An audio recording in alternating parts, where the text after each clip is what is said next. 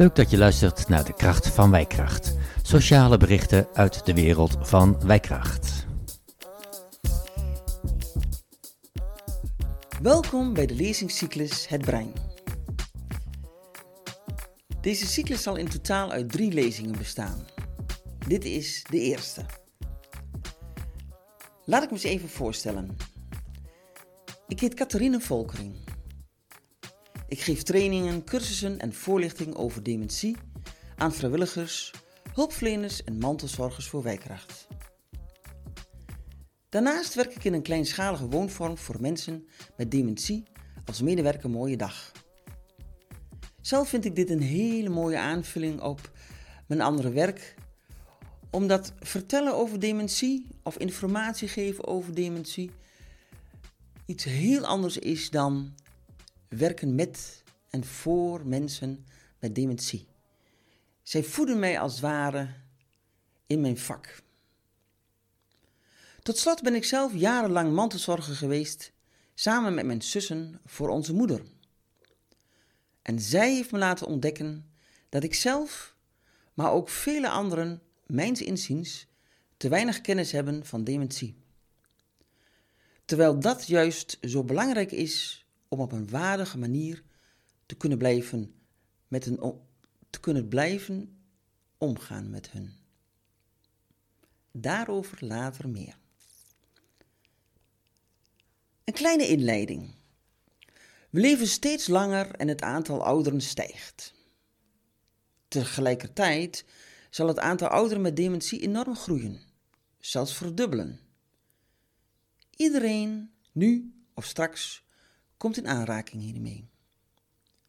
Zowel privé als in het openbaar leven zullen we ons hierop moeten voorbereiden.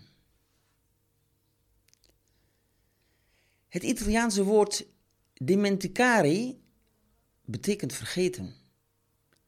Maar dementie is veel meer dan vergeten. Dementie is ook verlies van je denkend vermogen en niet meer kunnen kiezen. Hierdoor ontstaat ander en onbegrepen gedrag. In het dimenticare zit ook het Engelse woord care, zorgen voor. Mensen met dementie verliezen hun geheugen en denkend vermogen, maar nooit hun gevoel en zeker niet hun ziel. Ze verdienen waardigheid en in hun afhankelijkheid van de ander goede hulp en zorg. Een verantwoordelijkheid voor allen zonder dementie. En daarom is het zo belangrijk dat we de werking van het brein en afwijkend gedrag begrijpen. Dat geeft handvatten hoe we ermee om kunnen gaan. En daar wil ik u heel graag iets meer over vertellen. Dit doe ik stapsgewijs. De eerste stap. De kennis van de werking van het brein vormt de basis voor het begrijpen van dementie. Ik ga u namelijk iets vertellen over het boven- en onderbrein. Misschien heeft u er al iets over gehoord, misschien ook niet. De informatie hierover is ontwikkeld door Anneke van der Plaats, sociaal geriater. Zij heeft hierover verschillende boeken geschreven, bijvoorbeeld het boek De Dag Door met Dementie. En haar gedachtegoed is terug te vinden op de website Breincollectief. Zeker de moeite waard om eens te bekijken. Zij zegt: Ik ontdekte dat we zelf de sleutel tot verandering in handen hebben. De breinomgeving methodiek geeft mantelzorgers en professionals praktische handvatten bij het afstemmen van de omgeving op mensen met dementie. Maar ook anderen, bijvoorbeeld mensen met aangeboren hersenletsels of ouderen in de psychiatrie. We gaan naar de volgende stap: de groei van ons brein. Er is een hele mooie tekening van het brein. Um, te vinden via Google afbeeldingen boven en onderbrein van Anneke van der Plaats.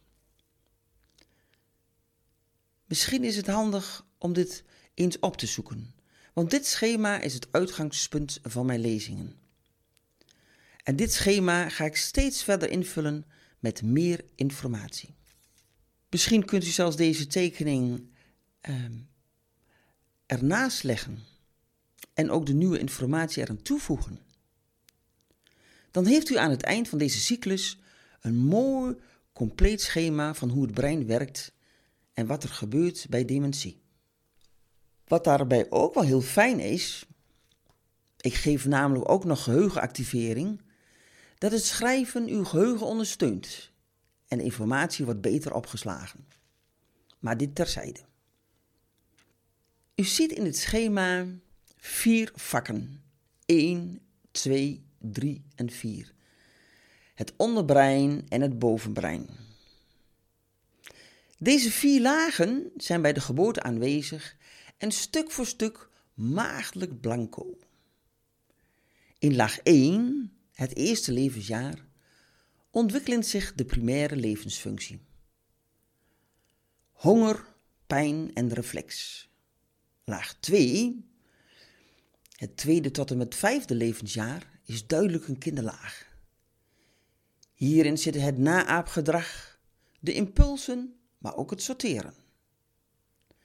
In laag 3 en 4 ontwikkelen zich de meest ingewikkelde taken, zoals denken en kiezen. Kortom, als we 24 jaar zijn, is ons brein volgroeid en functioneren alle vier lagen. Daarom is het puberbrein soms ook zo lastig, want dat brein is nog niet volgroeid. Misschien kunt u nu even rustig naast de vakjes um, schrijven bij vakje 1, 1 jaar, bij het tweede vakje 2 tot 5 jaar en bij het laatste vakje, het vierde vakje, 4 tot 24 jaar. Hiervoor kunt u gerust even de pauzetoets intikken en dan later weer verder gaan. Ik ga weer naar de volgende stap. Stap 3. Emotie en ratio in ons brein. In het onderbrein zit het emotionele brein. Het is vrij klein en het hangt bij onze klomp hersenen onder het fysiek veel grotere rationele brein. Dat heeft te maken met de complexiteit van de taken die we doen vanuit laag 3 en 4. Kortom, over spontaan gedrag hoeven we niet na te denken, want dit komt voort uit het emotionele onderbrein. Onderaan de bladzijde kunt u dus met grote letters schrijven: dit is het emotionele brein en boven het rationele brein. Stap 4. We hebben vier functies in ons brein. Alle plaatjes dat wat we zien, geluiden, geuren, die op ons afkomen, noemen we prikkels. En die komen onderin laag 3 binnen, gaan omhoog naar laag 2, vervolgens naar laag 3 en 4. Ik zal eens even een praktijkvoorbeeld gaan geven. Want het is soms bijzonder wat ons brein allemaal doet. Gelukkig staan we daar niet altijd bij stil. Maar goed, ik neem u mee naar een groot warenhuis. We staan op een bewegende roltrap die ons omhoog brengt. Om ons heen zien, horen en ruiken we van alles. We ruiken appeltaart. We zien koopwaar, aanbiedingen, teksten. Zien en horen men, we zien en horen mensen en nog veel meer. Kortom, er gebeurt van alles. En nadat we alles wat op ons afkomt op een rijtje hebben gezet, onze gedachten hierover hebben laten gaan, maken we een keuze. Dus het komt binnen onderaan bij twee de prikkels. We zetten het zelf om in plaatjes en beelden. En dan via chaos gaan we naar sorteren en ordenen in het onderbrein. En dan, via nadenken in het bovenbrein, komen we tot een keuze. Dat kunnen wij allemaal. En dan komen we weer tot gedrag, want we gaan lekker voor de appeltaart. Stap 5. Prikkelverwerking in ons brein. Alles om ons heen zijn prikkels. En daar zijn er twee soorten van. Dynamische en statische prikkels. Dynamische prikkels zijn geluiden, geuren en alles wat beweegt.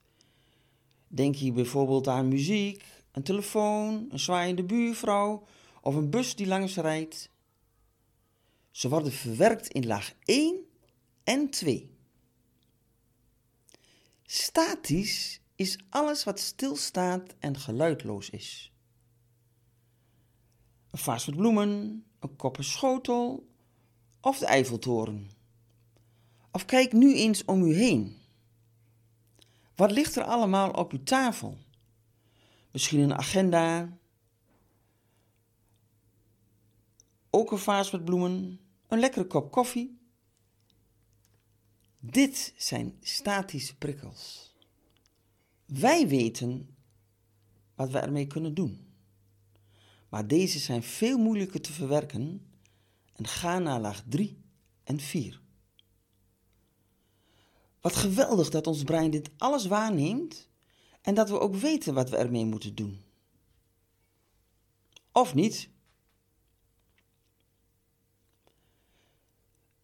Nu kunt u naast vierkant 1 met een accolade dynamische prikkels schrijven en bij 3 en 4 statische prikkels.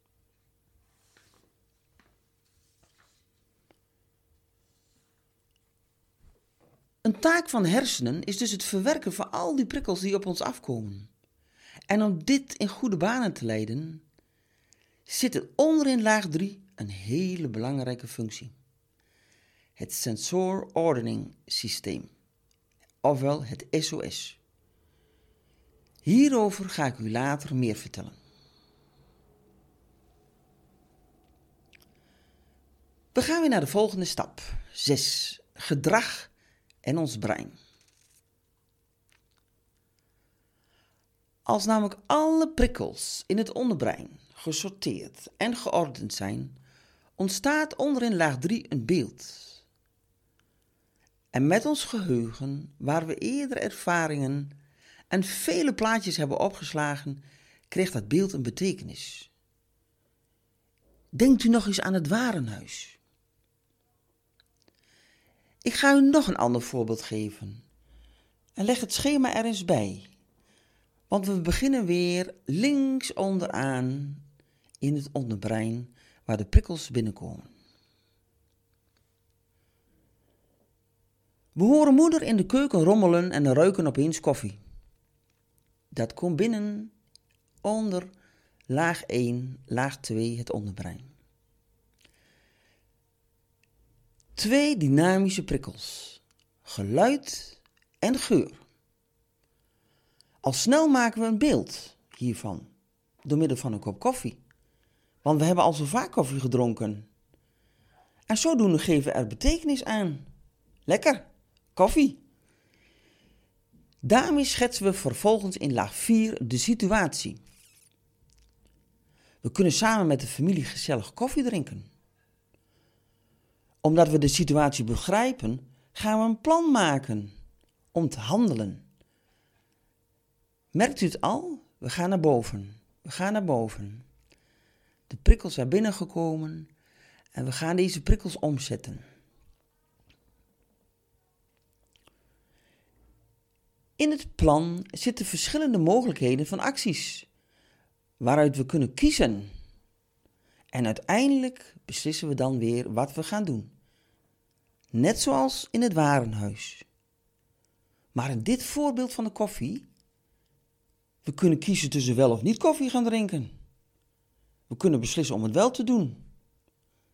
En uiteindelijk volgt ons gedrag. We gaan aan tafel zitten en laten ons de koffie voorzetten en drinken met genot. Kortom, met ons geheugen kunnen we de beelden die we zien en duiden en hiermee een situatie herkennen. Dat laatste is nodig voor alle handelingen die we doen, die tezamen ook nog eens ons gedrag typeren. We gaan naar stap 4. Dementie in ons brein. We gaan samen eens bekijken wat er nu gebeurt als iemand, iemand dementie heeft. En alle functies van het brein nu overziend, kunnen we stellen dat ons brein met alle vier lagen goed gevuld onmisbaar is voor het functioneren als zelfstandig en volwassen mens.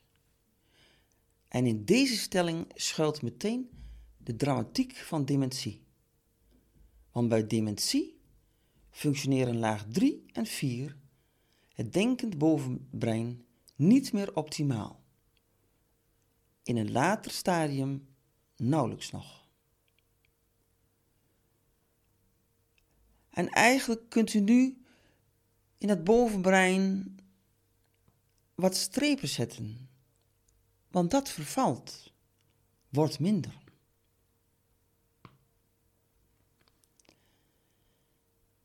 Het denken, het kiezen, maar ook het verwerken van die statische prikkels wordt moeilijk. We kunnen niet gemakkelijk meer een beeld vormen en hieraan een betekenis geven. Hoe kunnen we dan een situatie begrijpen om tot handelingen en gedrag te komen?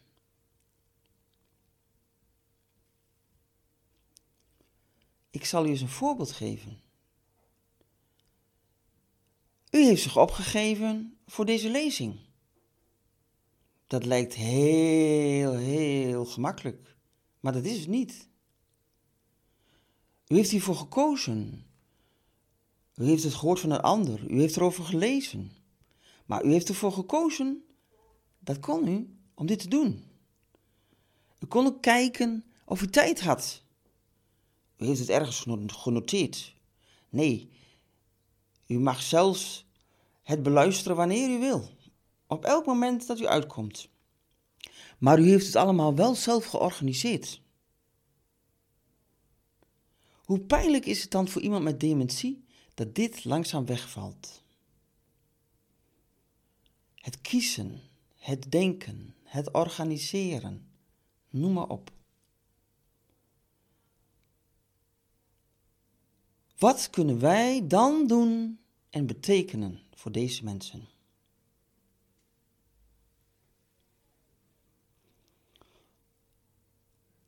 Ik ben bijna al aangekomen bij de afronding van deze eerste lezing. Maar ik wil toch nog iets meegeven. Want anders lijkt het soms alsof het allemaal uh, zo negatief is, maar dat is het niet.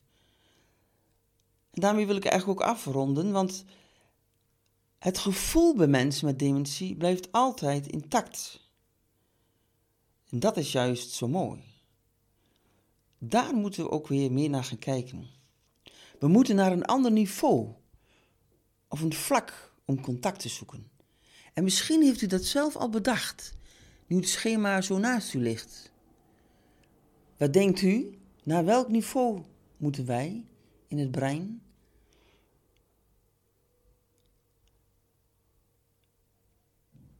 Mensen met dementie hebben een antenne. Ze voelen of ze serieus worden genomen.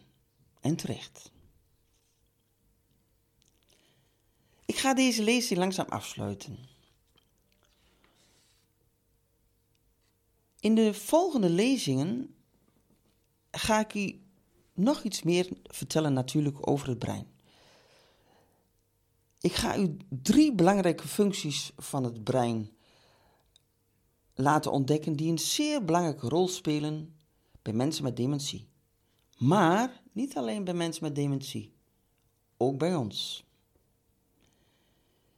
Ik ga u vertellen over de amandelkern, over dat SOS-systeem waar ik het al eerder over had en over empathie. En wat kunnen wij doen als het bovenbrein niet meer goed functioneert? Ik ga het vertellen over geen moeilijke vragen stellen. Niet in discussie gaan. En wat dacht u van moderne producten? En tot slot iets over oprechtheid.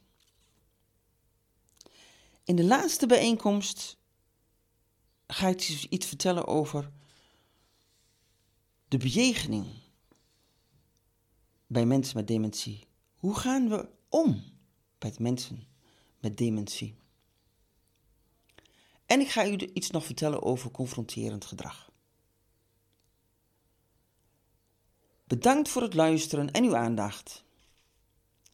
Wellicht heel veel informatie in dit eerste half uur.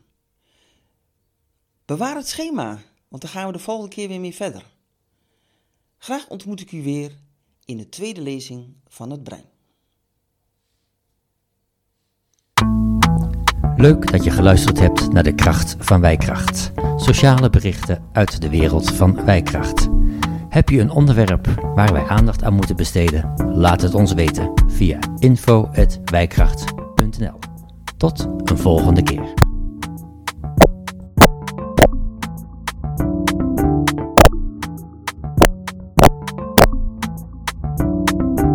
De kracht van Wijkracht.